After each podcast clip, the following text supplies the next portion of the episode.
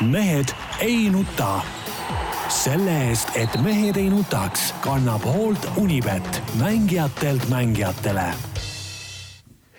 tere kõigile, kes meid vaatavad ja kuulavad, ükstapuha mis ajal, ükstapuha millisest vidinast, Mehed ei nuta eetris, praegu on teisipäev ja kell on üksteist läbi, kakskümmend kaheksa sekundit. Tarmo Paju Delfist. tervist. Peep Pahv Delfist ja Eesti Päevalehest. tervist. Jaan Martinson Delfist, Eesti Päevalehest ja igalt poolt mujalt no ma Peebule juba helistasin, eks ju, ja, ja kirusin, noh. mängib siin oma mingisugust äh, esiliigat, on ju, eks.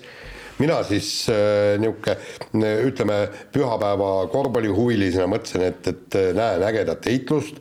panin siis selle arvuti käima, heitsin pilgu sinna.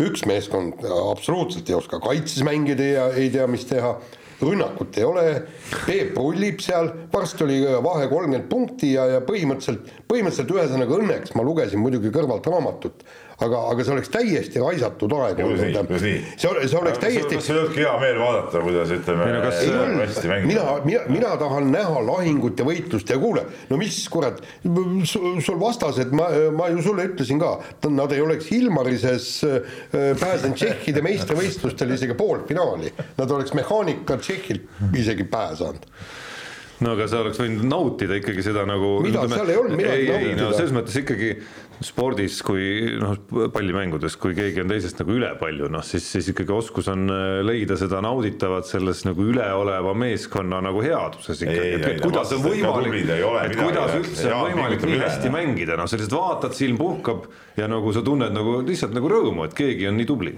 no noh, hästi on ka niivõrd, kuivõrd ma ei tea, Ilmarsi tšempionaadil oleks neil pusimist olnud. Ilmarsi tšempionaat oli üks legendaarne. ei, see, see, see oli kõva asi see oli kõva asi. sa mängisid ise ka kaasa seal? ja, ja muidugi. no siis ta oli väga kõva asi, loomulikult. Jaan ka mängis kaasa seal, no siis see oli kõva. Ilmaris oli siis korvpalličempionaat, see oli ka naiste võrkpalličempionaat, sa olid seal Tšehhi võistkonna treener ka ju. ei, ei, naised olid Temptis, ma olin treener, aga meil oli ka võrkpalličempionaate. Ei, seal oli nihuke. oota, see, see on juba, ma ütlen see vahele ära, lõikan korra, et see on väga tuleohtlik algus saatele, ma tean, et mõlemad kiirustate pärast saadet jälle. Te kõik, te mäletate väga hästi, meie kuulajad ka mäletavad, mis juhtus eelmisel eelmise saate lõpus, kui, kui Jaanil oli kiire, kiire ja jutt läks nõukaaja lapsepõlve meenutustele. kuule, sa venitad praegu aega oma selle jutuga. ma tahtsin lihtsalt öelda, et milline sära oli kogu sellel kambal silmis, sellepärast et oli ju äh,, oli, meil oli ju Spartakiaad, meil oli seal üle kümne ala. Spartakiaad õppes ohtra õlle tarbimisega. ei, seda niikuinii, eks. seda niikuinii, jah, aga, aga seal oli, ei, terve aasta kestis ja, ja seal oli äh, niisugused lahingud, seal oli ju, äh, Kosovos oli ju niimoodi, eks, et, et see võistkond, kes oli äh, selge favoriit ja liider, meil oli kahe miinusse süsteemis spetsiaalselt kaotas mängu selleks, et kõigepealt ta pani oma peamisele rivaalile üldkokkuvõttes pani ära, eks mm. -hmm. Nii, see kukkus alla miinusringi ja siis kaotas meelega üleval ringis, et saaks alla kukkuda ja pearivaalile veel teinekord ka nätakas panna, et, et see ei saaks, et ta ei jõuaks ei poolfinaali ega finaali ja ei koguks punkte. seal käis ikka nihuke möll meil seal. vot see, vot siis. taktikamäng. just, aga kus meil on, meil on ju, ju vaata, kui suur eh, see paganama eh, kollektiiv meil siin, miks meil ei ole Spartakiaadi? see on küll, sina tead, Tarmo, natuke seal juhtkonna koridoris ka nagu liigud, et miks meil Spartakiaadi ei ole tõepoolest, et noh. kuule vaata, kui äge oleks ta oleks platsil kohe või? no, muidugi, me saaks, me saaksime omavahel päris head satsid kokku tead. ikka, ikka. no muidugi Jaan, kui sa jutu sinna viisid ju muidugi no., no siis ütleme ajal, kus noh, kus nagu maailmas ja meie lähiregioonis eriti on, ütleme nagu tragöödiat oluliselt rohkem kui positiivset, ma, ma oleks tahtnud ka selle jutu viia sinna, aga sa muidugi leidsid mingi negatiivse nurga üles, et mina oleks vastupidi tahtnud nagu kuidagi nagu siuksest nagu õitsvast vaatenurgast ikkagi nagu Peebu ja ja koduste korvpallitegevuste juurde minna, et eriti vaadates nüüd nädalavahetusel äh, Eesti-Läti liiga finaalturniiri äh, eelmisel aastal esiliiga võitnud Viimsi lõpetas ja. siis nüüd Eesti-Läti liiga teise kohaga et kas siin terendab juba vaikselt äh, äkki Keilale mingisugune nagu Ja, muster ja. nagu ees või? ja muster on ees. et ikkagi esiliigas, et esiliigas ikkagi on poolfinaali uks, ütleme, jalg on ukse vahel juba Final Fouril. ei no oota, är- ärme nüüd, ärme nüüd rutta ja asjadest teises ette. liigas siiski on juba ju nagu eh, finaalturniiri koht nagu olemas, et, et juba nagu ei no, ei oota, oota, vaata erinevalt sinust ma olen kahe jalaga maa peal, eks ole, rahulikult vaatame praegu, homme on mäng. Vaatame, ma ütlesin, tule kohale, näe, tule kohale, sa, aga sa ei, sa ei raatsinud isegi kohale tulla, tead, näe ma isegi mõtlesin, säästan sind sellest kolme eurosest piletist, et, et lasen su nii-öelda vippsektorisse sisse, aga ei noh, tead, no ei. ei no see on nüüd ebaaus Peep, sest sa tead väga hästi, et eh, miks ma ei saa tulla sinna. aga see rahaahnus, näed. jah, jah, jah. ei ole nii või?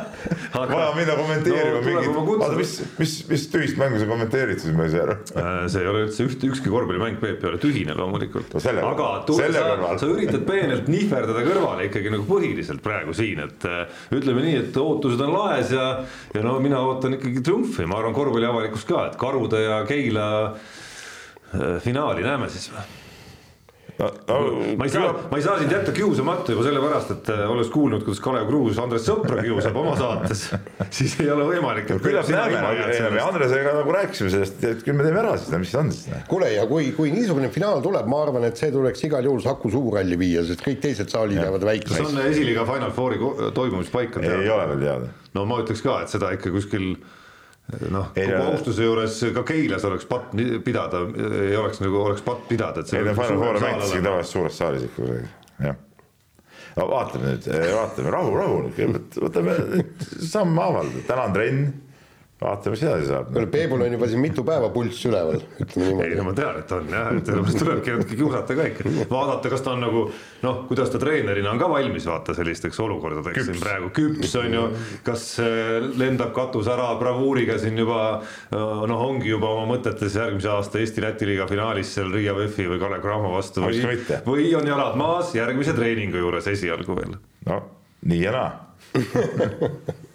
nii, kuulge, aga lähme spordi juurde ja jätkame nüüd siis äh, korvpalliga ja äh, isegi mina vaatasin äh, tõesti Eesti-Läti äh, liiga äh, Final Fouri mänge ja, ja noh, poolfinaal äh, Viimsi ja Pärnu vahel oli, oli äge ja muidugi oli ka, oli ka pronksimäng äge, aga, aga noh Riia VEF kahjuks oli ikkagi, ikkagi peaaegu üle ja, ja mul tekkis tõesti küsimus, et, et huvitav, kas, kas Kalev Cramo oleks VEF-ile natukenegi vastupanu suutnud öö, öö, avaldada või ei no kuidas ta oleks, kuidas kavatsesid äh, hiljem pronksi saanud Pärnule noh. No järelikult ei oleks. ei no tead, olgem ausad, VEF oli ikkagi, VEF oli väga hea, noh midagi pole ütelda, VEF oli, oli, kuigi nad olid ainult üheksa mehega seal, neil oli palju vigastatud seal, pool võistkonda istus niisama seal dressis.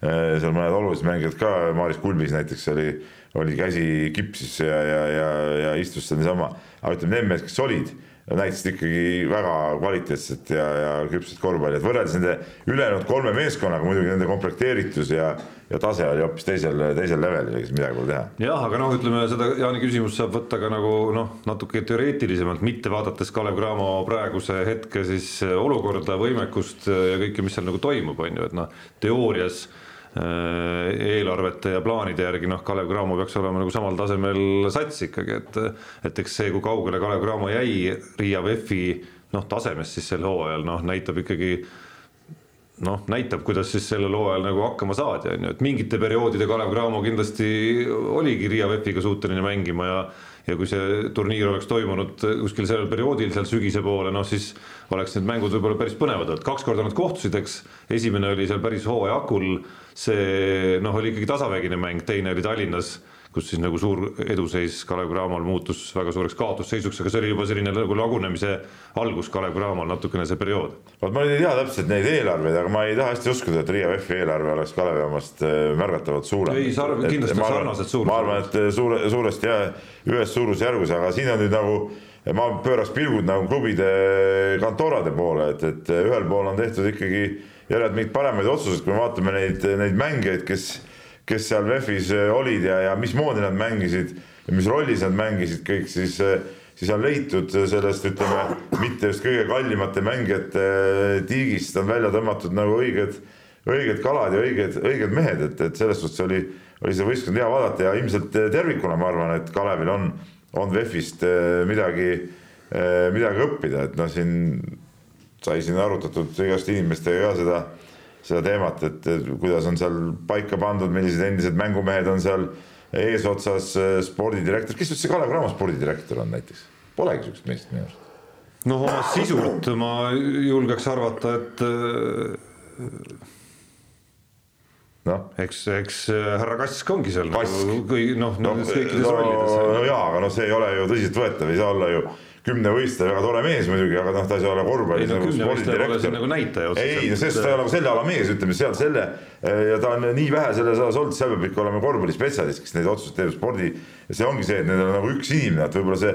et küsimus, küsimus võib-olla on jah selle nagu, jah, selle nagu nii-öelda kindlasti mitte nagu ühes persoonis, vaid selle nii-öelda kontori no suuruses, kontori suuruses üldse kogu selles asjaajamises ilmselt seal mingid ütleme, midagi võiks nagu VEF-i poolt äh, üle võtta ja vaadata, kuidas neid asju seal teevad, et nad on selgelt ju tõusuteel praegult ja Euroopas neil läks ka paremini, et, et, et selles suhtes seal on, on üht koma teist vaadata, aga no see VEF VEF-iks vaatame parem hoopis nagu ma arvan, siin meie satsi, et, et ikkagi, ikkagi müts tuleb maha võtta eelkõige Viimsi, aga noh, tead ka ikkagi Pärnu ees, et, et vägev, vägev sooritus ja, ja siin, kui ma lugesin, lugesin muidugi Õhtulehest äh, mängujärgset kommentaari, siis mul ausalt öeldes tõusid äh, juuksed natuke püsti, et et, et kuidas, kuidas see, see vaade nüüd selline sai olla, et et kuidas seda väristati ja kõik oli halvasti. Tegelikult ikkagi Viimsi poolt oli kõik väga hästi ja see, et nad finaalis VEF-ile selgelt alla jäid, noh, no see on nagu, see ongi olukorra hetkeseis, et aga see, kuidas meeskond on tulnud uustulnukana äh, samm-sammult läbi terve hooaja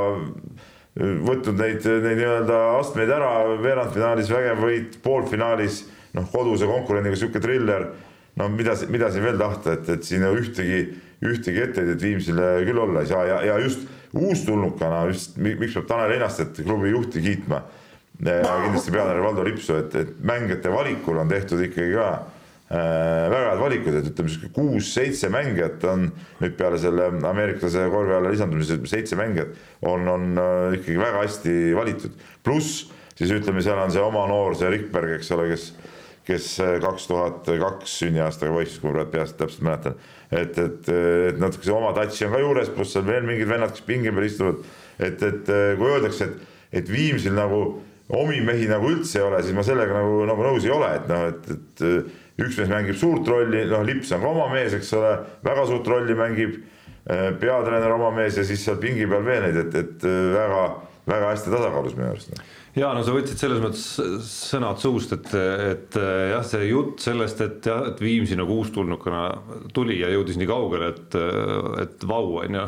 et, et seda on võimalik nagu natukene põhja lasta jah, sellega, et, et mis te jamate, et seal ju nagu Rain Veidemannid ja Rait Rivalaned ja ja Saakised ja sellised kogenud mehed on kõik nagu kohal, on ju, aga just nimelt see nagu noh, selle küsimus, see tulebki vaadata nagu samm tagasi, on ju, et miks nad seal on, et see on klubi juhtide tark valik on olnud see, et, et selleks järgmiseks sammuks ehitada endale nagu selline, selline baas nagu, baas nagu alla siis ütleme sellele põhisatsile on ju. et ega noh, või, või sealt edasi minnes, ega samamoodi Taavi Jurkatamme värbamine näiteks, noh, on ju samamoodi puhas töövõit ikkagi siin turul, ma ei tea täpselt, kes Taavi Jurkatammele pärast USA-s ülikooli lõpetamise Eestis pakkumise tegid näiteks aga fakt on see, et maandus ta Viimsis ja, ja on olnud täitsa lust vaadata sel hooajal tema nagu noh, sellist nagu esimest profihooaega ja sellist nagu esimest hooaega, kus ta üle aastatega nagu mängib päriselt silm, silmnähtavalt suurt mänguaega. ja üks oluline detail veel, et Tanel Einaste siin ütles ühes,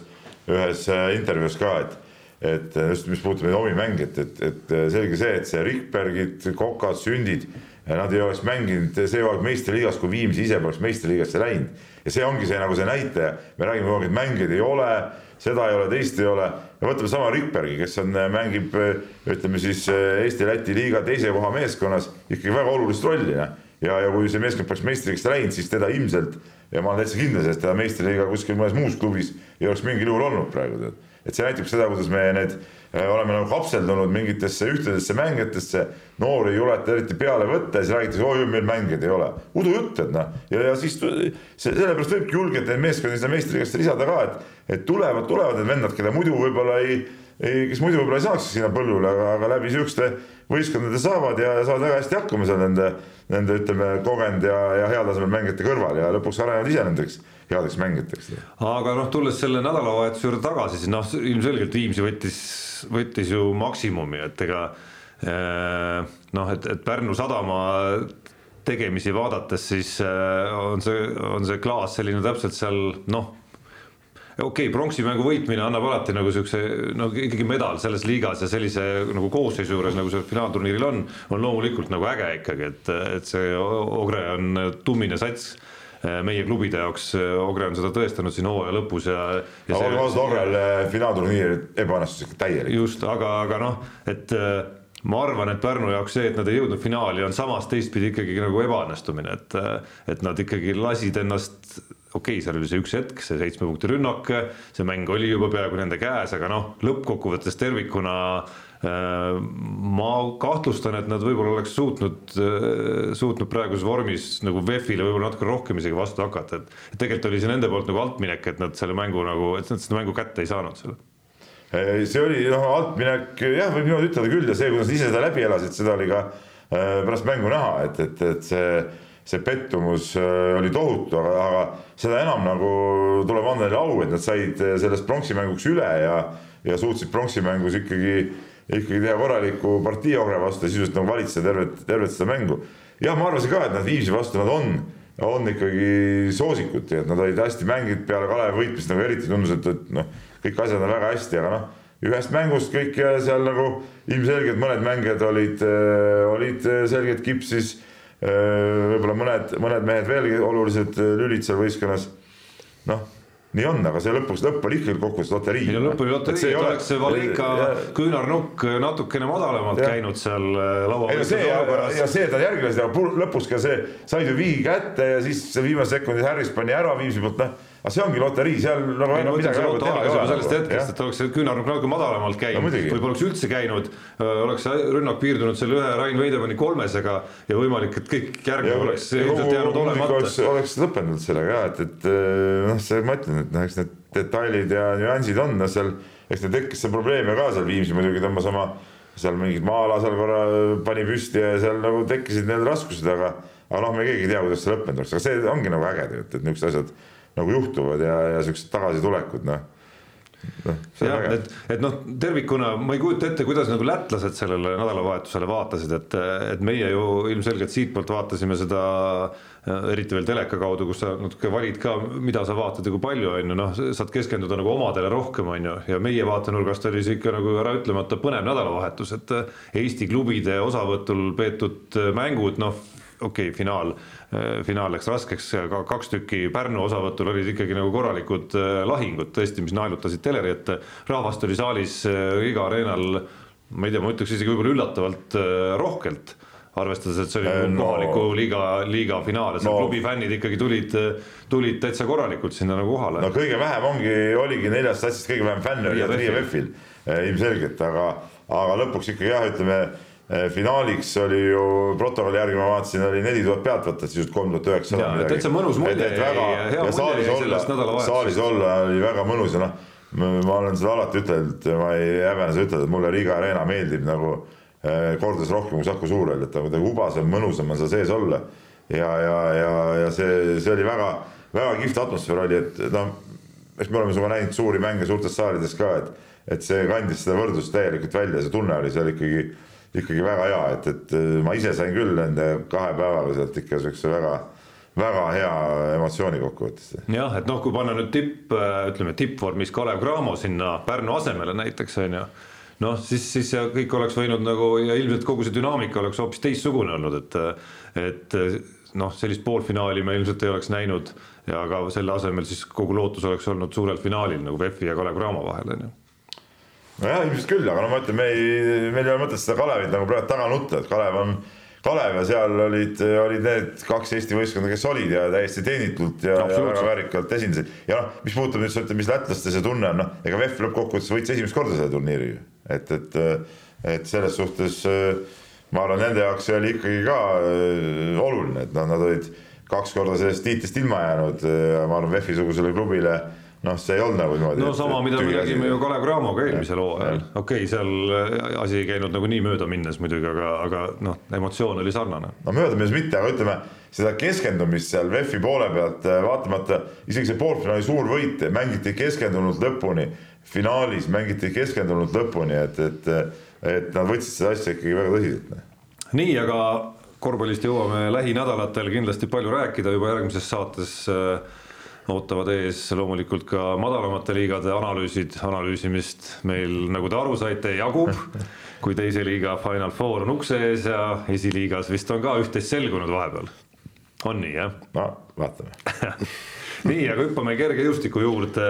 Janek Õiglane paugutas USA-s kümnevõistluses kaheksa tuhat nelisada viis punkti, täitis MM-normi ja noh, mitte et õiglane vahepeal päris ära oleks unustatud, aga, aga see pilt, see pilt meie kümnevõistluse tipus sai, sai jälle mõnusalt segasemaks. no asi ei ole unustatud, asi sellest, õiglasel oli ju vigastus teadupärast, et, et mis, mis teda takistas, nüüd tundub, et mees, mees on saanud jälle jalad alla ja ja, ja kaheksa tuhat nelisada viis punkti on nüüd küll juba selline avaldus, millega võiks ikkagi mm kohta endale loota, et okei okay,, me võime mõtelda küll, et meil on siin päris päris palju neid äh, mehi veel, kes võivad tegelikult selle tulemuse teha, aga nii nagu me noor reporter Roosaga siin ka üks päev rääkisime, et, et äh, samas see ei ole nagu ikkagi see tulemus, mida sa niimoodi nagu nii lihtsalt teed, et, et äh, noh, selleks on vaja teatud õnnestumist ka ma arvan, et, et väga võimas, väga võimas sooritus. kusjuures siin oli ju, mis eriti muljet avaldas, oli see õiglase jutt, et tegelikult tal vist üheksal alal kümnest läks asjad nihu, et, et ei läinud nii, nagu ta oleks tegelikult lootnud. Ja, ja, ja noh, võtame kasvõi see viimased tuhat viissada, kui ta ütles, et ta ei ole spetsiaalselt trenni teinud, ta on sprindile nagu keskendunud, keskendunud sel hooajal ja jooksis ometi hästi ja kõik niimoodi, et siis noh, see, selle poisi potentsiaal noh, paneme ikkagi sada, sadakond punkti otsa ja kõik, aga me, ma rääkisin ka Roosnaga ja kui me hakkame lugema, kes tegelikult tahab, tahab ju MM-ile minna, eks, meil on jah, kaheksa tuhat nelisada viis punkti, kõva avaldus, eks, aga meil on ju, ühel meil on eh, norm täis, meil on Uibo, meil on, eh, oota, Ermil oli täis ja. meil on, no võtsime, loeme üles mäng, mängijad, loeme üles kümnest, kes võivad sinna saada. Eh, sama õiglane, Tilga Uibo Erm. no alustame sellest, et Uibo Ermi, ära unusta Rosenbergi. alustame sellest, et Uibo Ermi ja Tilga isiklikud on veel paremad kui õiglased. tõsi, noh, neid tuleb nagu, nagu praktikas, praktikas teostada ka. Neid tuleb ka teha jah, et, et pluss noh, ikka suur küsimus on ka, mida Ausenberg õues suudab, eks ole, kas ta no ma hästi, no kogu austuse juures tema vastu, ma hästi ei taha uskuda, et see kaheksa neli nüüd ütleme tema jaoks võib-olla praegu jõukohane on, et et, et seda, seda võib-olla mitte, aga, aga sel suvel on ju ka kümnevõistluses kaks eh, tiitlivõistlust, eks ole, on mm ja on EM ja no EM-is veel üks koht läheb ju, eh, vot see on see koht, mis nüüd, mida Ausenberg ilmselt võib-olla läheb jahtima, et Eesti meister, kui ta teeb noh, normaalse tulemusega, siis Eesti meister on koondises, eks ole, et tema võib näiteks selle kaudu saada. kuule ja, ja tegelikult Eestikat hakkame vaatama, mis meil tuleb, meil tuleb Kötsises, kõigepealt tuleb Itaaliase võistlus, siis on Kötsises viis eestlast kümnevõistluses siis Eestikatel ma arvan, et, et kogu see teine kaardevägi ja kellel ei ole nagu seda nii-öelda kellel on tarvis midagi vaata, püüda, need lähevad sinna proovima kõik. jumal, see, tead, mine ise staadionile vaatama seda, see, see. ära sa märgi peale kaheksakümne kuuendat aastat esimest korda või? jah, just ei, aga, aga, aga tegelikult no, et see kümnevõistluse suvi saab olema, olema igati äge. aga noh, ma natukene jahutades siis eks me oleme siin varem ka oodanud, et oh, meil on kümnevõistluses need, need lõpuks, kui võistluseks läheb, siis pole noh kedagi välja panna. no ja see ei ole meil ainult, et kui sa vaatad seda maailmapilti, siis ala, siis on ala on juba selline, et seal, seal võib kogu aeg midagi juhtuda. võta Tokyo olümpia on ju. jah, jah, midagi. aga ei, no tõesti müts maha Janek Õiglase ees, et, et nagu kuidagi noh ei, ei ole nagu lihtsad aastad olnud selja taga, on ju, aga, mees on ikkagi leidnud, leidnud need kohad ja leidnud need moodused, kuidas, kuidas jätkata ja, ja ei ole püssi põõsasse visanud, et, et noh, tõesti äh, siin äh,, kuidas ma ütlen noh, neid näiteid on ju küll ja küll ja ma ei ole neid kunagi hukka mõistnud nendest, kes mingil hetkel võib-olla viskavadki püssi põõsasse, kui tingimusi pole, on ju, seal koondised lagunevad, no suusaaladel, talialadel eriti palju, on ju, et noh muud huvid saavad võitu, muud eluala, muud väljakutsed ja nii edasi, on ju, et noh, Janek Õiglasel äh, Janek Õiglasel võiks ju teoorias, kui sa vanustki vaatad, võiks ju ka samamoodi mingil hetkel nüüd juba tekkida see tunne, et, et kas ma nagu, kas ja kui kaua ma siin. siin on muidugi see küsimus õiglase puhul, et õiglane on ikkagi kõva suurvõistluste mees, mis ta on MM-i neljas ja kuues olnud, eks ole, noh. ja, ja, ja ikka siuksed kohad, ütleme, mida siin nagu noh no valdav enamus on isegi nagu pehmelt öelda, et ei suuda mitte kunagi saavutada. me räägime kergejõustikust. ja, ja teine asi on ju see, et, et tal on potentsiaali tal on potentsiaali, tal on võimed olemas ja ma arvan, et, et just see, et, et kui me viime näiteks tõesti need mõned talialade sportlased vi, öö, viime laborisse, viime laborisse ka õiglase, kus tehakse täpselt välja, et, et milleks noh, inimese nii-öelda keha ja organism on võimelised kui kõrget kohta saavutama, eks no kas, kas see potentsiaal välja mängitakse, see on iseküsimus, aga mis see potentsiaal on, siis ma arvan, et, et loomulikult on õiglasel mõtet märksa rohkem jätkata selle spordiga, kui siis äh, mõnel, mõnel äh, talialade kodanikul. nii, aga läheme edasi äh, kolmanda teema juurde ja, ja jutt läheb võrkpalli peale, Tartu Bigbank tegi siis koduses võrkpallis puhta töö, võitis ära kõik, mis siin võite andis, lõpetuseks siis ka Eesti meistriliiga siis, mida siis nelja võistkonna vahel peeti lõpuks play-off äh, seeriad ja finaalis äh, Pärnut äh, mängudega neli-null ja andis üldse nelja mängu peale ära ühe game'i Pärnule. et sihuke üle, üleolek oli väga võimas ja, ja ütles Rikberg siis jätkab ise nüüd peatreenerina ka ja ütles, et, et paraku, et sellist nii kõva võistkonda nagu oli Bigbank see aasta Eesti pallimängudes lähiaegadel ei näe et tasemelt nii kõva mängu no.. aga seda ma ei oska nagu, nagu ausalt nagu hinnata, et kas see nüüd, kas see Bigbank nüüd tasemelt nagu nii kõvas ikkagi oli või?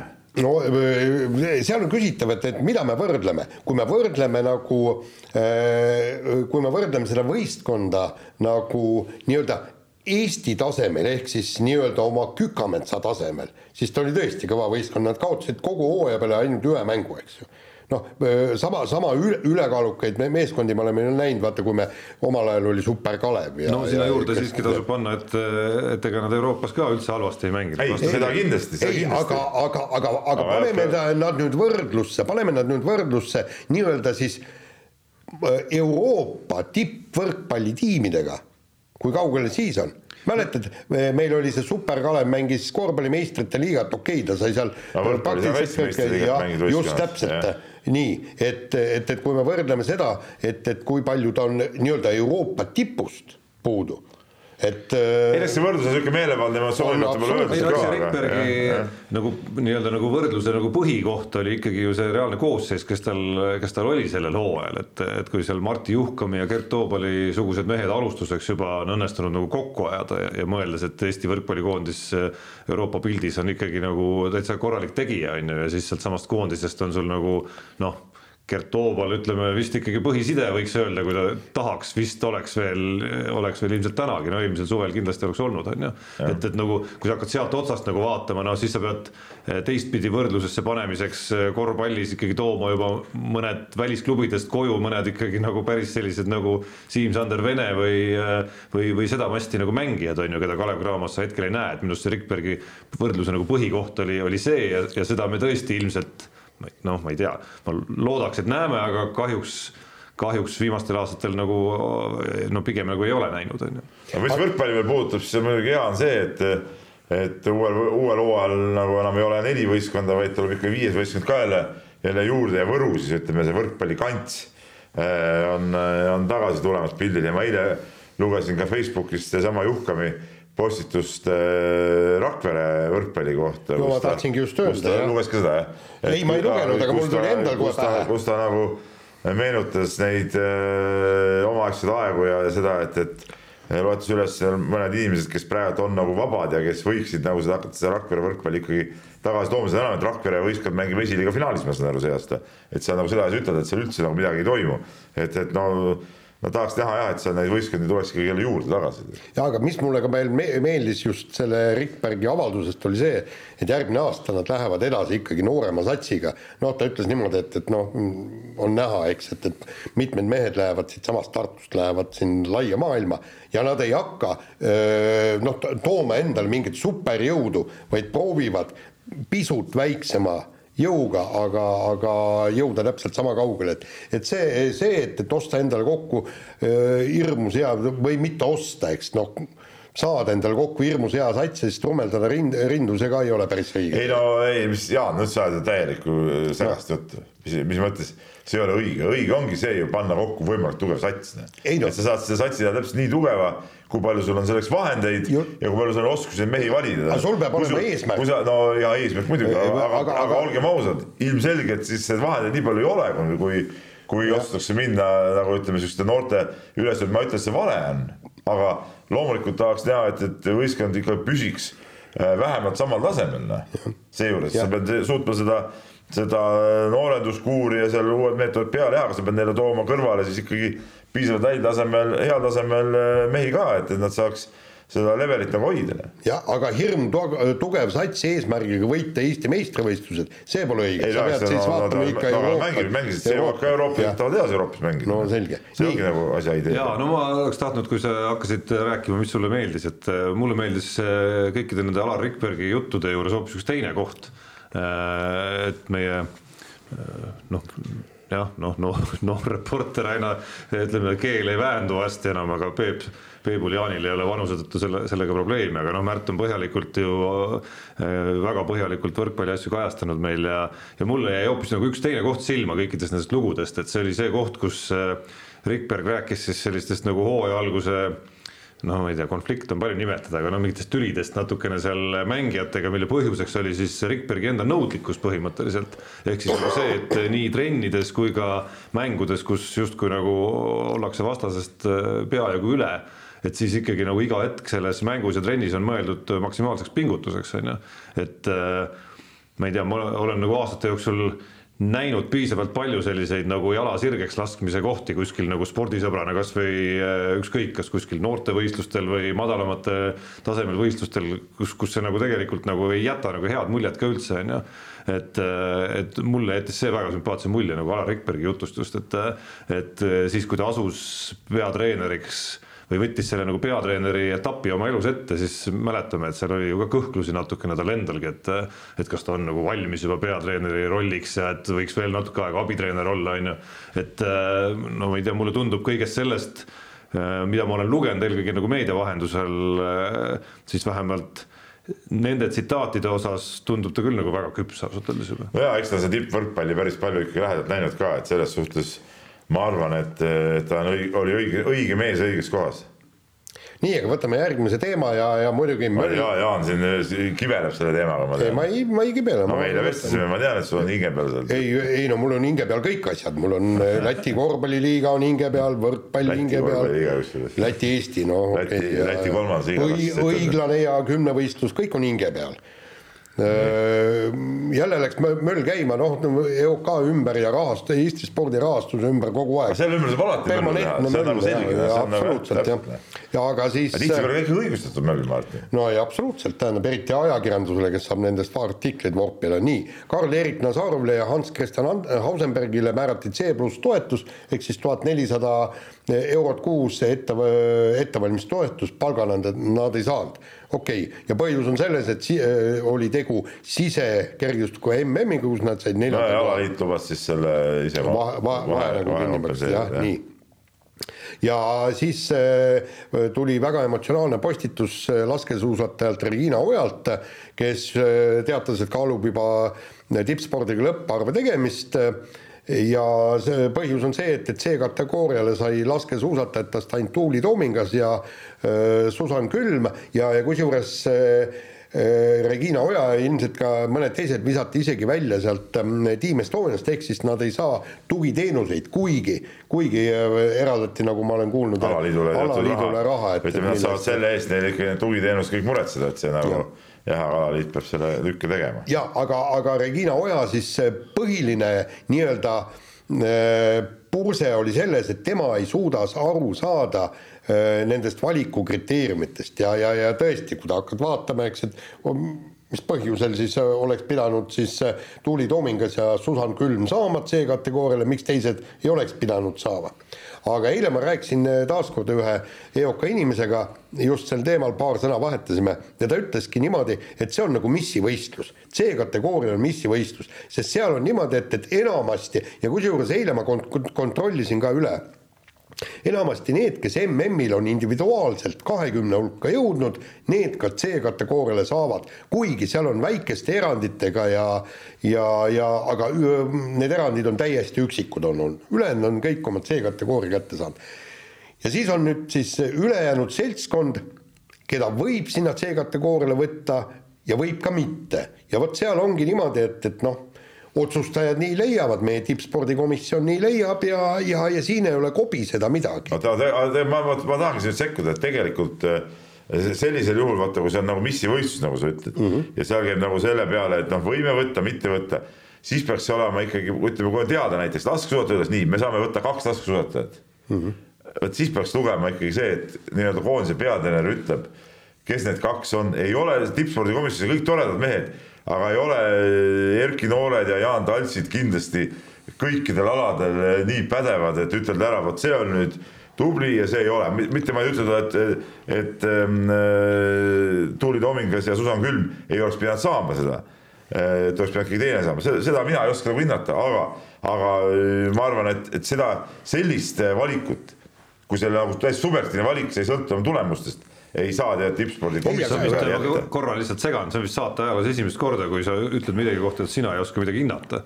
varem sa oled öelnud, et äh, piisaks ei, ühest inimesest no. tippspordikomisjonis ehk Peep Pahlist no. ja oskab kõike hinnata. vaata, ma muidugi, muidugi piisaks. aga ta on praegu nagu tagasihoidlikkus nagu, lihtsalt. mina olekski nagu õiglaselt teinud, mina olekski eh, võtnud peatreeneri, ütelnud, et eh, nii, sina ütle nüüd, kes need kaks on väga lihtne. no laskesuusa liit võiks omada mingisugust nagu nägemust seal selles osas muidugi, et, et lõppkokkuvõttes peab tema kombineerima nende väheste toetuse saanute, mitte saanute, nende pealt, kes siis, keda tahetakse, et nad koondises on, et noh, selle komplekti peavad ja. nemad lõpuks kuidagi kokku panema. ja, ja, ja kusjuures seal oleks mõistlik võib-olla olnud, nagu nad on teiste alade puhul tihtipuhku tehtud, teinud, oleks laskesuusa naistele kaks C C-kategooria toetust või kamba peale, kamba peale, eks see on nagu teinud, aga, aga, aga üks asi on siin ikkagi tegelikult on veel jällegi noh, siis ma olen juba tippspordikomisjoni inimestega rääkinud, võib-olla mitte praegustega, eelmise tippspordikomisjoniga, kuhu kuulusid ka praegu mitmed praegused kodanikud. Et neil on nagu see nägemus ja nad vaatavad see just sellest perspektiiv, perspektiivist lähtuvalt ja kuidas on toimunud areng vot see on nüüd üks asi, mida, mida nad vaatavad.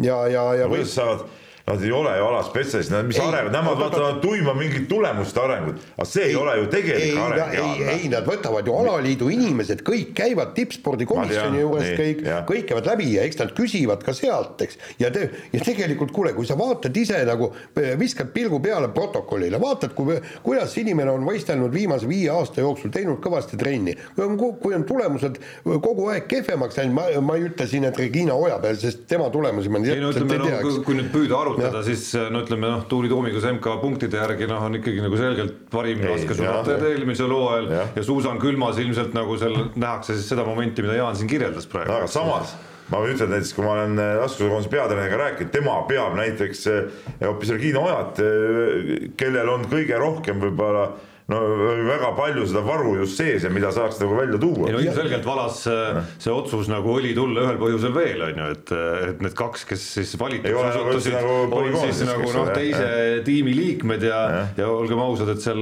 noh, siiski sellest ei ole palju meedias räägitud, aga et seal on ka personaalseid konflikte ikkagi mängus kogu selles nagu loos on ju.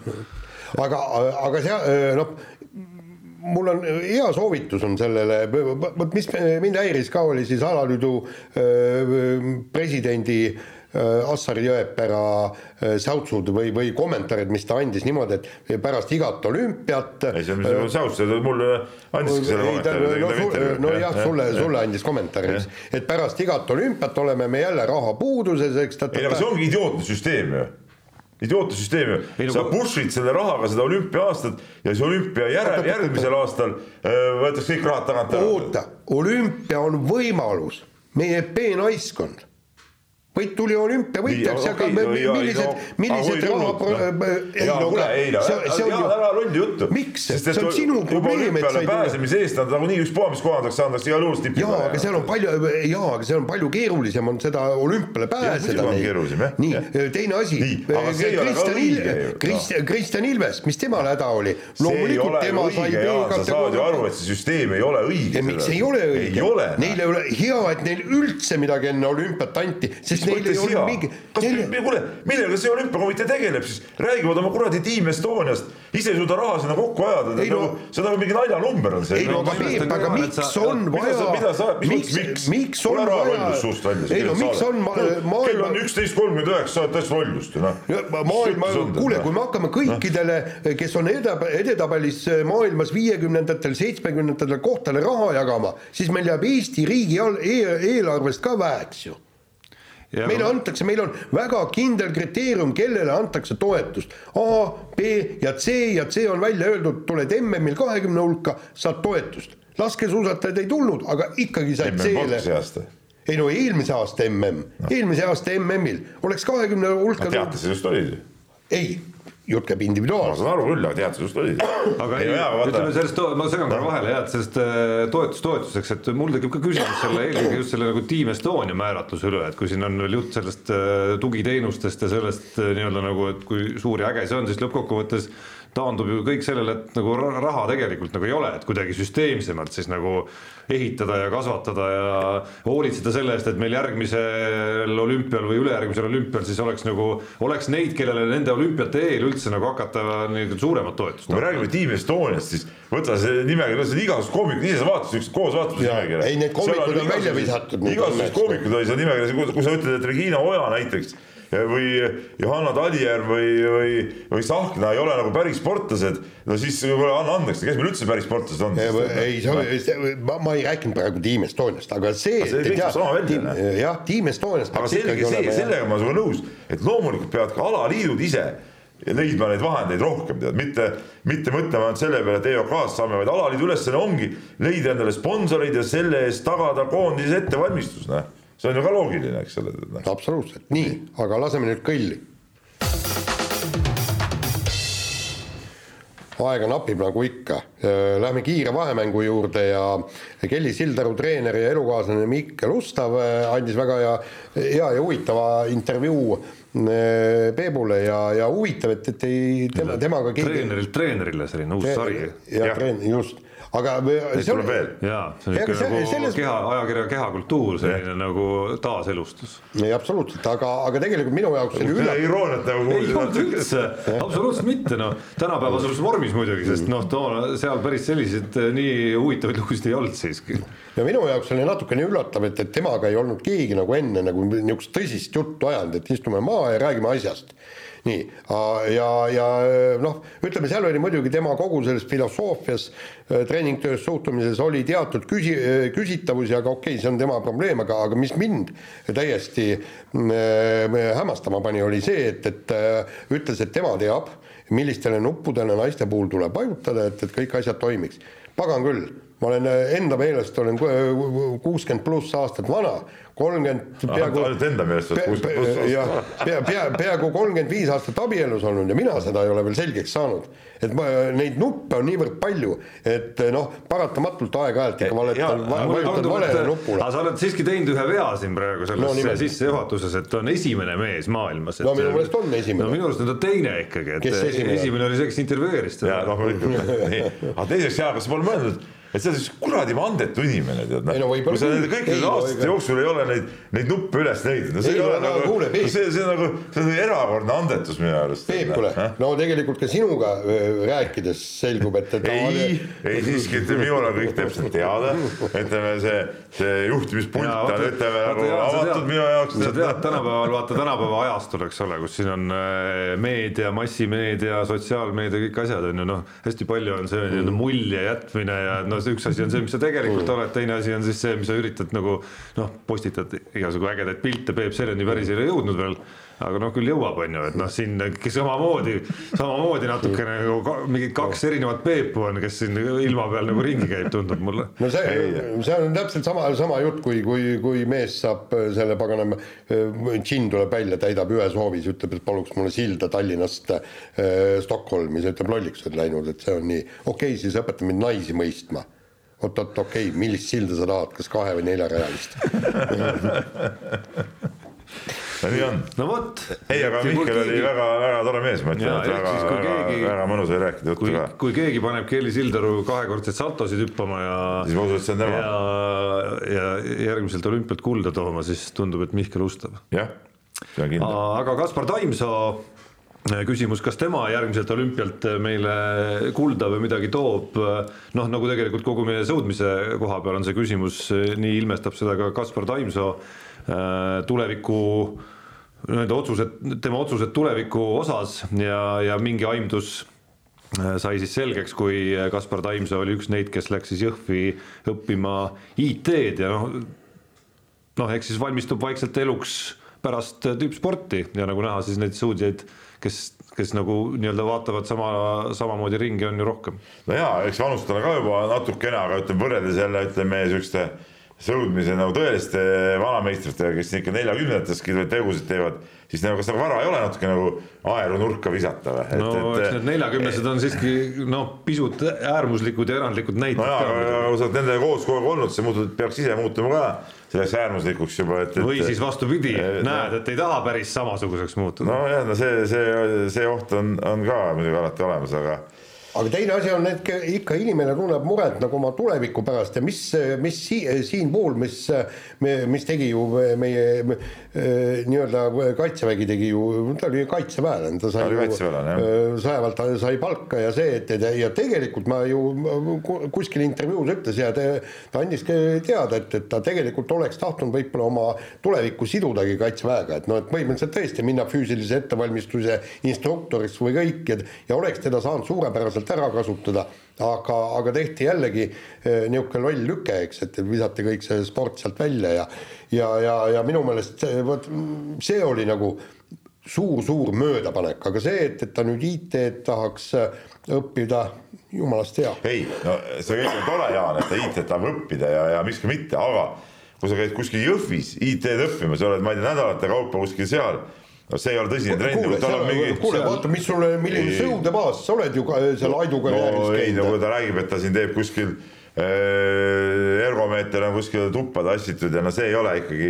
ei no seal siiski on ka distantsõpet võimalik omajagu teha, ma ei tea täpselt, kuidas Kaspar Taimsoo plaanib seal äh, oma Aga seda, oma seda kahe, see on vist kaheaastane, see on vist kaheaastane õping kokku seal, et ma ei tea täpselt, kuidas ta on logistiliselt seda mõelnud ja mis, mis sellest sõudmisest üldse saab, olete te aru saanud, et, et mis paatkonnaga keegi, keegi nüüd siis nagu uuele hooajale ja uuele olümpiatsüklile vastu läheb? ja, ja nad kindlasti praegu niimoodi vastu ei lähe, eks nad võtavad iga hooaja kaupa no tasuks võib-olla ikka tsüklit tervikuna vaadata. nelja-aastast mingit seda. ei no mis nelja aastast. eelmises tsüklis me nägime ju, eelmises me nägime, et oleks võinud äkki kohe hakata mõtlema nagu. ei no oleks küll, aga ma arvan, et neil ei ole endalgi selge, kes üldse on, et nad ei saa nii lihtsalt seda praegu kokku panna. uhuu, aasta on kaks tuhat kakskümmend kaks, järgmine, järgmise aasta MM-il pannakse olümpiakohad paika. järgmise aasta. ei no jaa, aga no ma ütlengi, siin ei ole nelja aastat, see on järgmine aasta, üks aasta ongi üks aasta on tööd teha.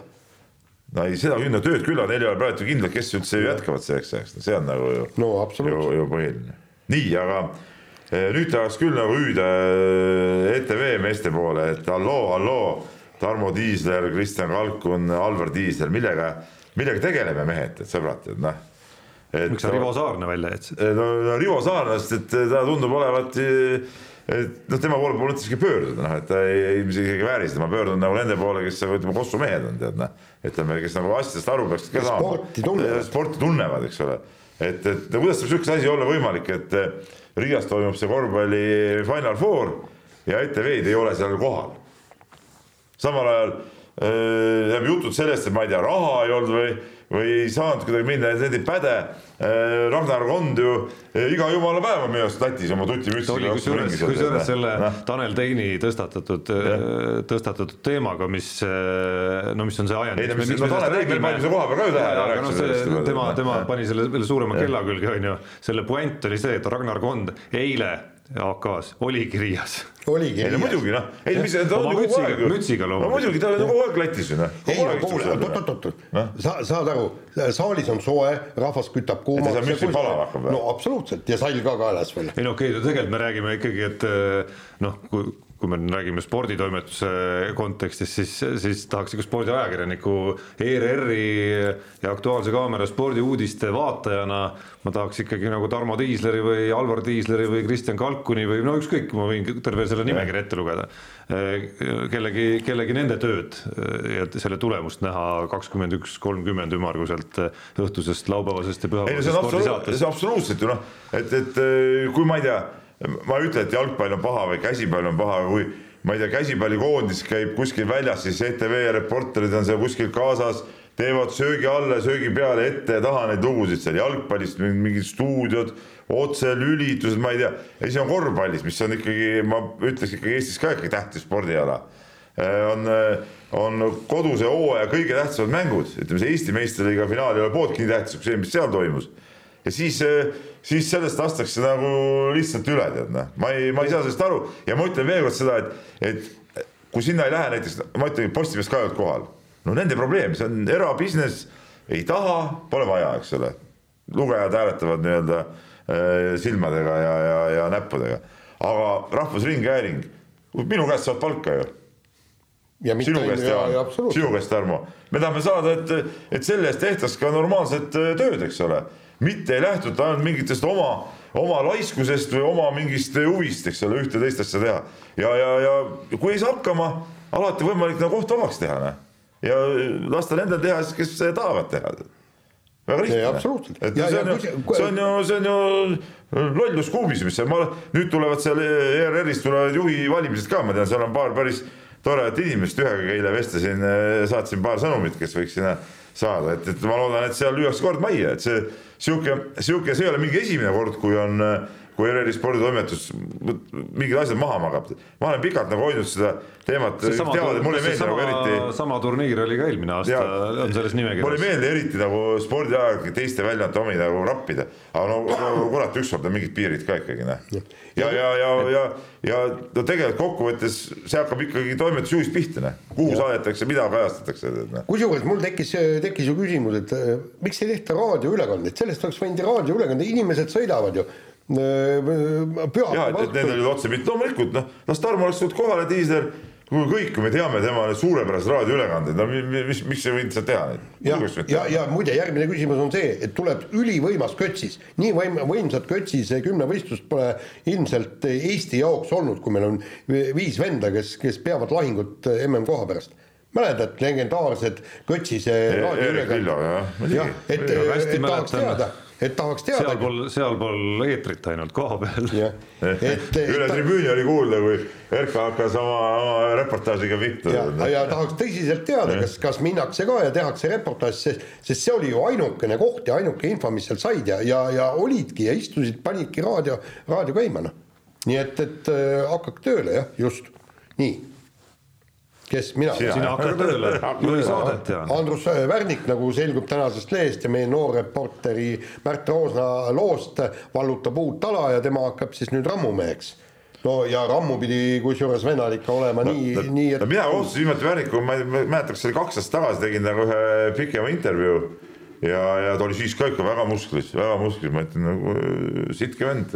ja, ja kusjuures Oda, Oda pole, nagu ta ise ütles, viis-kuus aastat. ei, mis Oda nii vana mees viskab, need nende saja kahekümne viie kiloste kohvrid tassid hästi parast. Oda enam, ma arvan. Nendega ongi parast kohvrit tassid. aga ta ütles, et väga üksikud äh, päevad jäävad jõusaalist vahele tal nojah, lihtsalt äh, kahtlane, kas nüüd neljakümnendates nagu päris nagu tippu äh, ei, enam tippu, on võimalik küündida, aga siin kodukamaral.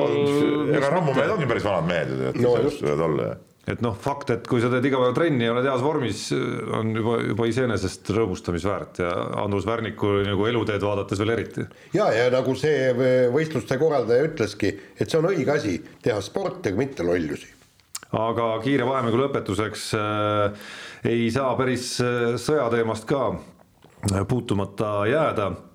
ehk siis Rahvusvahelise Kelguliidu apellatsioonikohus, selline asi on olemas äh,, otsustas, et äh, vähemalt kelgutamises Venemaa eemaldamiseks võistlustelt juriidilist alust ei olnud, leidis, et ka teised alad peaks selle aluseks võtma ja noh, see küsimus, mida me siin paar korda oleme juba nagu puudutanud, et huvitav, mis nüüd saama hakkab, kui siin see kogu see juriidika sinna auku minema hakkab, noh, eks siis äh, see küsimus on, ütleme täna aktuaalsem kui võib-olla nädal aega tagasi, kuigi no. ma täpselt ei oma arusaama mis asi täpselt on Rahvusvahelise Kelguliidu operatsioonikohus, mis on seal, mida see täpselt puudutas, kas alaliitude rahvusvaheliste põhikirjad ja asjad on kõik ühesugused ja nii edasi ja nii edasi, et noh, seal neid nüansse on, mulle tundub väga palju. ma selgitan, tähendab, ühesõnaga kõikidel äh, rahvusvahelistel alaliitudel on oma vahekohus et, et kuhu kae-, kaebab sportlane esimesena ja kui sealt nagu õigust ei saa, siis läheb spordikohta ja kusjuures Eestis, kuna ja meil päris kohus ka kuskil peal. Mis päris. no see Šveitsi, Šveitsi kohus on väga. ja pluss see on nüüd viimane instants, see on nii. Ja kuna e-, Eestis on alaliidud, teinekord on isegi oma kohalikel alaliitudel vahekohus, aga meil on ju üldse Eestis on ju ka see, see kohus olemas Eesti spordis EOK juures või, või selle EOK juures ja nii, aga, aga seda ma ütlesin ju kohe, kohe, et see, see tuli igalt poolt ju nendest paganama artiklitest, arvamustest, rahvusvahelistest välja. Et see ei ole nii lihtne, et viskame venelased välja, kõik nii alust ei ole noh. ei ole, alu, alust sul ei ole ükski põhikirjalist alust, no see, see, keegi ei teinud ju põhikirja sihukese mõttega, et, et, et äh, sõdivad ja teine asi, mis no,, räägi ise Jaan ära, mida sa mulle ka rääkisid, mis on nagu, mida me oleme sinuga varem ka isegi arutanud, see sõjateema nagu tervikuna. ei, lihtsalt, no lihtsalt, mis ma nagu teistpidi ütlen, et no mis siis nagu teha on ju. ei, on teha, seal on tsirkus, ei. et see ongi väga erandlik asi, et, et kas te tahate öelda, et oleks pidanud nagu rahulikult samamoodi edasi jätkama. ei, vaata, vaata, siin ongi nüanss, ma ütlen, ma Jaan võib-olla saan õigesti aru, oota rääkida ja ta Mida? rääkis mulle hommikul ka seda juttu loomulikult, mis sa arvad, et ta nagu hommikul. ei, ei, aga vaata, mis seal, mis seal on nüüd toimunud, toimu-, tähendab ühesõnaga need spordialaliidud ja, ja kõik see kuradi rokid ja värgid ja särgid, nad oleks pidanud sellele selles mõttes varem mõtlema, et nad oleks pidanud nagu Kelguliit, Kelguliit ütles, et tuleb muuta põhikirja väga lihtne. no eks nad ilmselt hakkavadki siis kohe. hakkavad, hakkavad mõõtma, muutma põhikirja, aga vot seal on nüüd, vot mis kõige hullem asi on, see põhikirja muutmine ei lähe läbi, mida see Kelgulit tahtis teha? ta tahtis eh, Venemaa välja visata rahvusvahelisest alaliidust ei õnnestunud, hääli ei saadud kokku ja täpselt sama on ka selle põhikirja muutmisega ja nagu ma sulle hommikul teile ju rääkisin mm, -hmm. hommikul ma või tähendab, eile ma rääkisin ühe, ühe jalgpalliinimesega, kes teadis väga täpselt, mis toimus FIFA kongressil Dohas.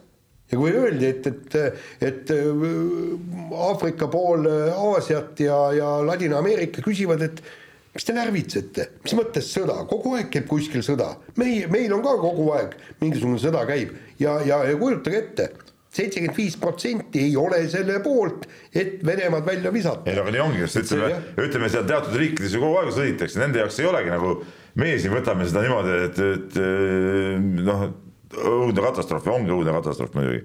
aga, aga ütleme, vaata, kui sõda käis kuskil kaugel seal noh, ega siis meid ka nii väga ei huvitanud ju tegelikult, noh, olgem ausad, no Tarmo, tegelikult ei huvitanud meid see. absoluutselt, absoluutselt. No, iga sõda on erinev ka muidugi. ei muidugi on erinev, ei olemuselt küll, aga sõda on sõda ja alati sõjas on üks pool on, on ju suurem agressor kui, kui teine, eks ole et noh, ütleme selle loogika järgi noh, peakski ju väga paljud need äh, riigid äh, välja viskama. ja no päris alati võib-olla mitte maailma ajaloos, aga jah, et, et siit see nagu see tujurikkuja koht selles kogu loos tulebki, et äh, olgu ta sport, mis on nagu tühine asi lõppkokkuvõttes nagu suures pildis või on see nagu ma ei tea gaasi eest maksmine või, või see, et kas lõpuks keegi appi ka tuleb, kui, kui nagu päriselt vaja peaks olema, et noh et äh, nagu nende märkide järgi see nagu tujurikkuja moment siin seisnebki selles, et lõpuks oleme ikka üksi.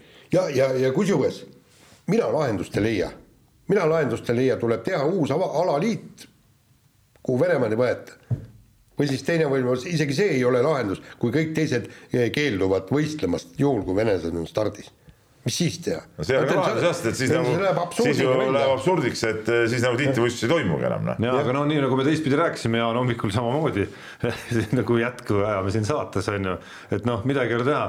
kui me nüüd vaatame oma mätta otsast on ju siit, siitpoolt nagu Venemaa piiri on ju, noh siis tundub, et noh, aina rohkem tundub, on ju, eilegi rääkisime siin ühest Õhtulehe loost äh, Ida-Virumaa reportaažis, soovitan lugeda ka meie kuulajatel Äh, et no, päris karm lugemine. mis meelsus seal nagu valitseb, on ju, et noh, et, et ongi nagu mingid erinevad tsivilisatsioonid on ju noh, ja noh, järelikult ei olegi võimalik äh, ühelgi pealtnäha nagu neutraalsel elualal nagu mingisugust nagu kokkupuudet omada. no vot no ei ole ju noh. kui, kui, kui nad on valmis meid maha lööma noh. no need, need kes olid maal, need on siin Eestis sul elavad siin. ei no rääkimata sellest, kui palju neid on teisel pool piiri. seal oli mingisugune jõmm, jõmm jalgrattaga, kes ütles, et. aga rääkimata sellest.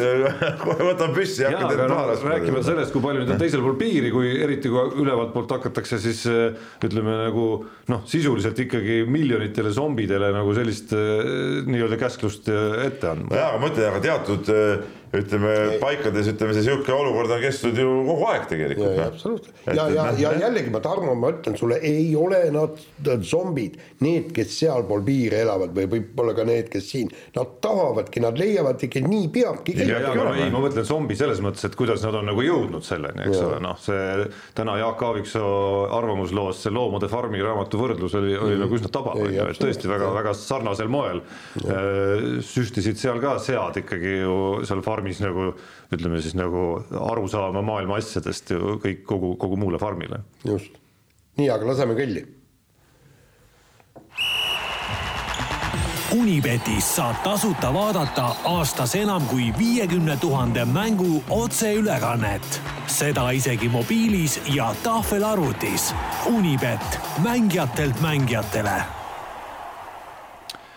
Nonii Peep on siin nokitsenud jälle, ma ei, ma ei, ma selles mõttes muidugi võib-olla sul nüüd mingi, on mingi praktiline näide, mis lükkab ümber selle, mida ma tahan öelda siin, aga no üldjoontes on mul ikkagi, ma vist tahan korrata seda ühte lauset, mida ma olen siin selle aja jooksul, mis me oleme siin saates Unibeti mängu mänginud ja ennustanud, et, et selles mõttes on see olnud nagu tore, tore nagu kooslus siin, et siit on nagu näha ka nagu kõik sellised nagu moodused, kuidas mitte tegeleda spordiennustusega ja no seda, selle kõige ilmekamaks näiteks loomulikult on äh, minu vasakul käel istuv Peep, kes vist ka täna on saate ajal äh, läinud ja pannud laivpanuse mingile kohale, millest ta noh, lihtsalt midagi ei teagi.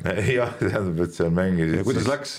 Äh, KF oli kuus koma üks. ahah, no siis sa kaotasid jah, kahjuks küll, see oli laiv jah. no selge aga see tundus nagu, et on variant ju, sest mängisid ometigi ju äh, Kim Che-, Cheongeui ja Yamasaki Junpei. ja mis mängu nad mängisid? Eh, vist tennist võimas. nii, ei, ei ma miinus viis eurot, et äh, panin Verstappini poole selleks, et sõitu nagu põnevamaks teha, et, et, et, et paraku noh. Verstappen katkestas. no katkestas, ei, ei tal ei olnud seal ka võimalust, aga, aga vot seal ongi see, et, et ma ei, ma no ei jaga seda pagana dünaamikat, seal ei saanud ka noh, laivis panna, võib-olla oleks saanud, ma ei, ma ei vaadanud, et noh, ma ütlen, mõne mängu dünaamikat jagada on ju, siis teise mängu oma ei jaga, noh. aga mis dünaamikat sa nüüd ei jaga siis? Noh, seda vormelit, ma ikka, ikka, ikka lootsin, kuigi oled nagu jälginud ja mul oli ikkagi väike lootus, et, et see Red Bull ikkagi suudab ja no ma lootsin selle DRS tsoonide peale kõik, eks. aga lihtsalt Ferrari oli niivõrd võimas, et ta tõmbas ringi kahega, tõmbas rahulikult kaks sekundit vahet ja oligi mäng, mängitud. ma ei tea, kuidas sulle, Peep, tundub Jaani, ütleme viimaste aastate vormeri lugude pealt, kas ta tunnetab seda dünaamikat või mitte? ei jah, no tulemused näitavad, et ei tunneta, noh.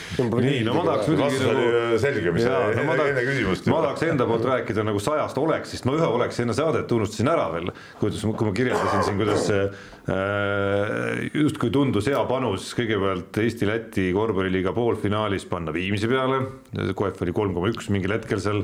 Äh,, ei tundunud nagu päris õiglane, et Pärnu jah, võib-olla kerge soosik, aga mitte päris nii suur. Äh,, loomulikult jäi panemata, jäi võitmata, siis jäi võitmata võitmata äh, Pärnu võidu pealt pronksi mängus ja siis jäi võitmata selle pealt, et Riia VEF võidab vähemalt üheksateistkümne punktiga finaali. Kõik kogu aeg nagu mõte oli, aga, aga miskipärast näpp nagu ei äh, teinud seda otsustavat liigutust. kusjuures see meenutas mulle, üks oli veel, seesama eripanus eelmisel nädalal mis oli ju Verstappen ja Leclerc mõlemale ja koefitsiendid olid kolme ringis, noh tegelikult see mõte oli, et paneks mõlema peale summa, üks neist ikka võidab ja ikka oled plussis. no geniaalne. ma ütlen, lõpuks... lihtsalt vahele, et eh, see, mis Tarmo rääkis, on praegu ka ehe näide sellest, kuidas nagu selle ennustusmängu ei peaks nagu mängima, et sul võib olla igast mõtteid, aga kui sa tahad ikka võita, siis sa pead ikka no panuse siis ka panema. absoluutselt, siis tuleb nagu tegutseda. Ja tuleb tegutseda. Mitte ja ainult- siis, mitte ja siis ma ainult suure kuskil vihaga pühapäeva õhtul suure vihaga mõtlesin, et okei okay,, ma, ma siis ei tee midagi, aga siis jäin vaatama Saksamaa liiga korvpallimängu, kus äh, Hamburg Towers mängis äh,, mäletagi peast enam, kes see vastane oli seal äh,. äkki oli Göttingen ja siis, siis kuidagi need laivis need panused vilkasid ka ette ja need käisid seal nii kiiresti edasi-tagasi, et siis ma sealt mõne euro ikkagi pigistasin välja, kui, kui äh, las ma nüüd mõtlen, Hamburg oli vist taga seal seitsme või kaheksaga ja ei, vabandust, kodumeeskond oli taga seitsme-kaheksaga, panus läks juba viie peale vist. ja, ja noh, siis loomulikult lõpuks mängiti see, mängiti see tagasi, ma võtsin selle summa välja mingil hetkel hoopis seal, ei jäänud seda lõpuloteriid ootama, no ühesõnaga kolmsada nelikümmend koma kakskümmend kaheksa ja vähemalt juhin siis Peep, kirjad. nii kirjad ja meil täna tõesti aega on vähe. aga alustame pihta Martini kirjaga ja Martin kirjutab nii.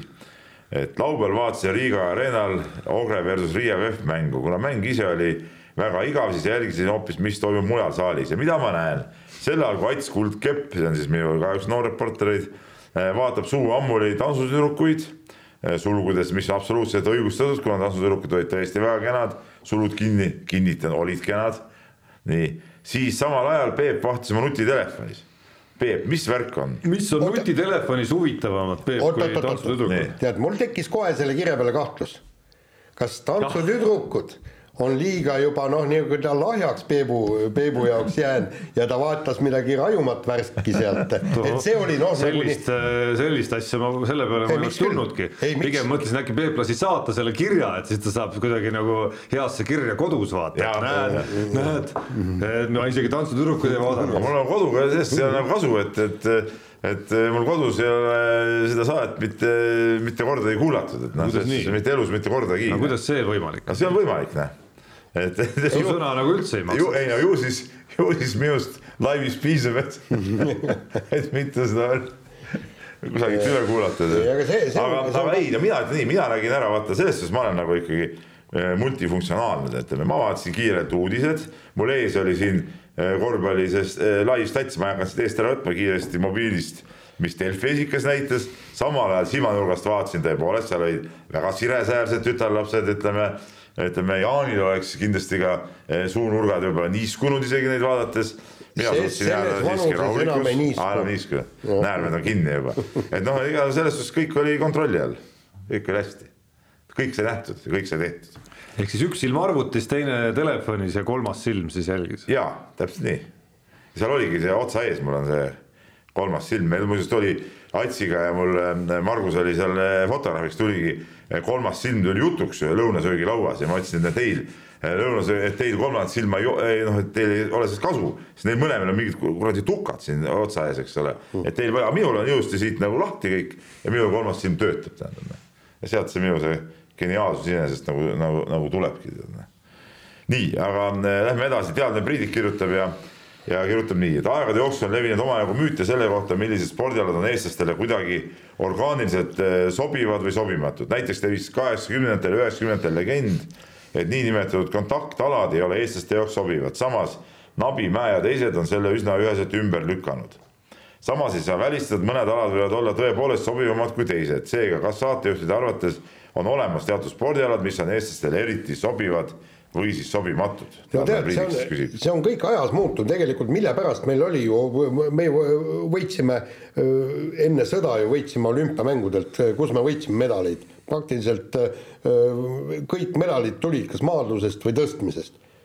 talutöö, sellepärast oligi sobiv, võta kõik need omaaegsed, võta kuni Palusaluni välja, kes tegid kõvasti, kõvasti seda talutööd ja, ja kõik, et et, et, et see oli tõesti ääretult sobiv meile millegipärast oli korvpall oli ka sobiv, aga see korvpall tehti sobivaks, kuna kogu Eesti mängiski korvpalli, see kuidagi muutus ääretult populaarseks, samas jälle maanurkades oli võrkpall populaarne. jah. Ja, ja, ja, ja justkui, kui sul kõik lapsed mängivad korvpalli, siis sealt peabki saama kokku väga hea ei tea, kui me võtame nagu näiteks mingi kergejõustiku, siis noh, meil ei ole kunagi olnud ju, maailma tipptaseme sprintereid näiteks, no see ei. olegi nagu, see ei olegi nagu eestlastele ikkagi okei okay,, nüüd meil on Karl-Erik Nazarov küll on nagu tõestas siin sisehallides nagu nagu teistpidist, aga ütleme siiamaani tundus küll, et see ei ole nagu meie jaoks võimalik, meil ei ole ka maailma no selles olukorras, kus, eh, kus ei, ma tahtsingi öelda, et selles, selles olukorras, kus, äh, kuhu maailma nagu ka kestvusjooks on läinud nüüd ja, nagu, et noh, siis on ka raske näha siin nagu potentsiaali võistelda, ma ei tea, Keenia, Etioopia, kogu selle seltskonnaga on ju, kuigi samas me näeme, et äh, noh, vähemalt keskmaajooksudes meile üsna lähedal asuvatel Norra, näiteks Norrast on ju, on võimalik küll, et küsimus ei ole selles, et üldse oleks võimalik. muide, aga sealt tuleb üks huvitav asi välja, vaata, meil oli see ju kümnevõistlus, sai ju jällegi populaarseks juba ammu-ammu, kui see Kolmpere, Klumberg oli vist, eks, püstitas ju minu meelest maailmarekordi ja, ja ja, ja olümpialt ju sai sai minu meelest ka medali, kõik nii. ja vaata nüüd, et kui, kui sul on nagu kümnevõistlus on mm, sedavõrd soositud siin, on sul olemas treenerid ja kõik, siis keskmine kergejõustiklane, kes ei jõua omal alal tippu, ta valibki selle kümnevõistluse, aga kui sul ei ole seda nii-öelda kümnevõistluse, no kuidas seda öelda, fluidumit seal riigis ja siis, siis ta ongi, ta teebki keskpärasel tasemel, teebki oma ala, kuhugi ei jõua, selle asemel, et kümne võistlus, ta ei tule selle pealegi, et kümne võistlust no, valida no,. vanasti öeldi alati nii, et eh, mitme võistlust, eh, see võib olla kümnevõistlus või ma ei tea, seal Alpi kahevõistlus või, või mingid asjad, teevadki need, kes siis ütleme, ühelgi alal tegelikult ei ole päris, päris andekad või tipus, et siis valivad sellise, sellise tee no mingid alad on, kus lihtsalt nagu ütleme, küsimus on nagu infrastruktuuris, et, et seal tippu jõudmine noh, on, on väga nagu erandlik lihtsalt, et noh, mingi Eest, eestlase jõudmine mäesuusatamise maailma tippu, noh, et see peab olema mingi väga erandlik elulugu põhimõtteliselt, mis kaudu see saab võimalik olla olukorras, kus kus meil nagu noh, on mingid väikseid künkaid natukene siin riigis. no mis ei ole nagu päris veel nagu mäesuusatamine on ju, et noh, siin mingeid asju on võimalik ju alustada tegelikult, aga ka ikkagi suurem osa on ja. nüüd toimunud ju Eestist väljas. no aga ta ei ole geneetiliselt nagu, see on nagu teine asi. nii. ja no lihtsalt vot, vot nagu mäesuusatamise, kiirlaskmine, selle kohta ma ei oska nagu geneetikast rääkida, et ei ole keegi proovinudki ju tegelikult nagu tõsiselt. kes, kes oleks, kes oleks nagu juba sarnases vanuses pandud suuskadele, nii nagu kõik need, kui te Alpides olete suusatamas. aga sööstlaskmine meil oli, ehk siis kiiresti suuskada mäest alla sõita on ikkagi eestlase ka võimalik, noh jah, aga meil on jah, millegipärast on nagu soomlased on geneetiliselt loodud rallisõitjateks ja eestlased ka. ja, ja noh, soomlast me oleme näinud ka mäesuusatamise maailma tipus ja järelikult ja. geneetikas vast ei ole probleemi noh, tõsi, seal on ka mägesid. ei no jaa, aga seal on ju, no seal, seal on jällegi rallisõidus, seal muide koolieksamil on ju see driftimine on ju liikluseksimis sees sa pead oskama driftida, seal õpetatakse lapsed juba varakult äh, autot käsitsema. nii, nii, aga lähme jalgpalli teema juurde ja, ja Tarmo kirjutab meile, endine, endine kõva jalgpallur äh, kirjutab siis nii, olen teie kauaaegne kuulaja, naudin väga teie mõtteid, kommentaare ning püha tõde Eesti spordi kohta. no ma arvan, et see käib minu kohta tegelikult. kindlasti jah. nii, eilses saates, see on siis, ta kirjutas siis päev peale eelmist saadet lah, lahkasite pikalt jalgpalli mudaliigasse vajumist ja selle tagamaid ja siis on nagu rasases kirjas küsimus, miks ei julge ajakirjanikud välja öelda, et niikaua kui kestab Pohlaku autoritaarne juhtimine, ei toimu jalgpallis muudatusi, et tänane süsteem ei võimalda teisiti mõtlemist ja vigade tunnistamist. noh.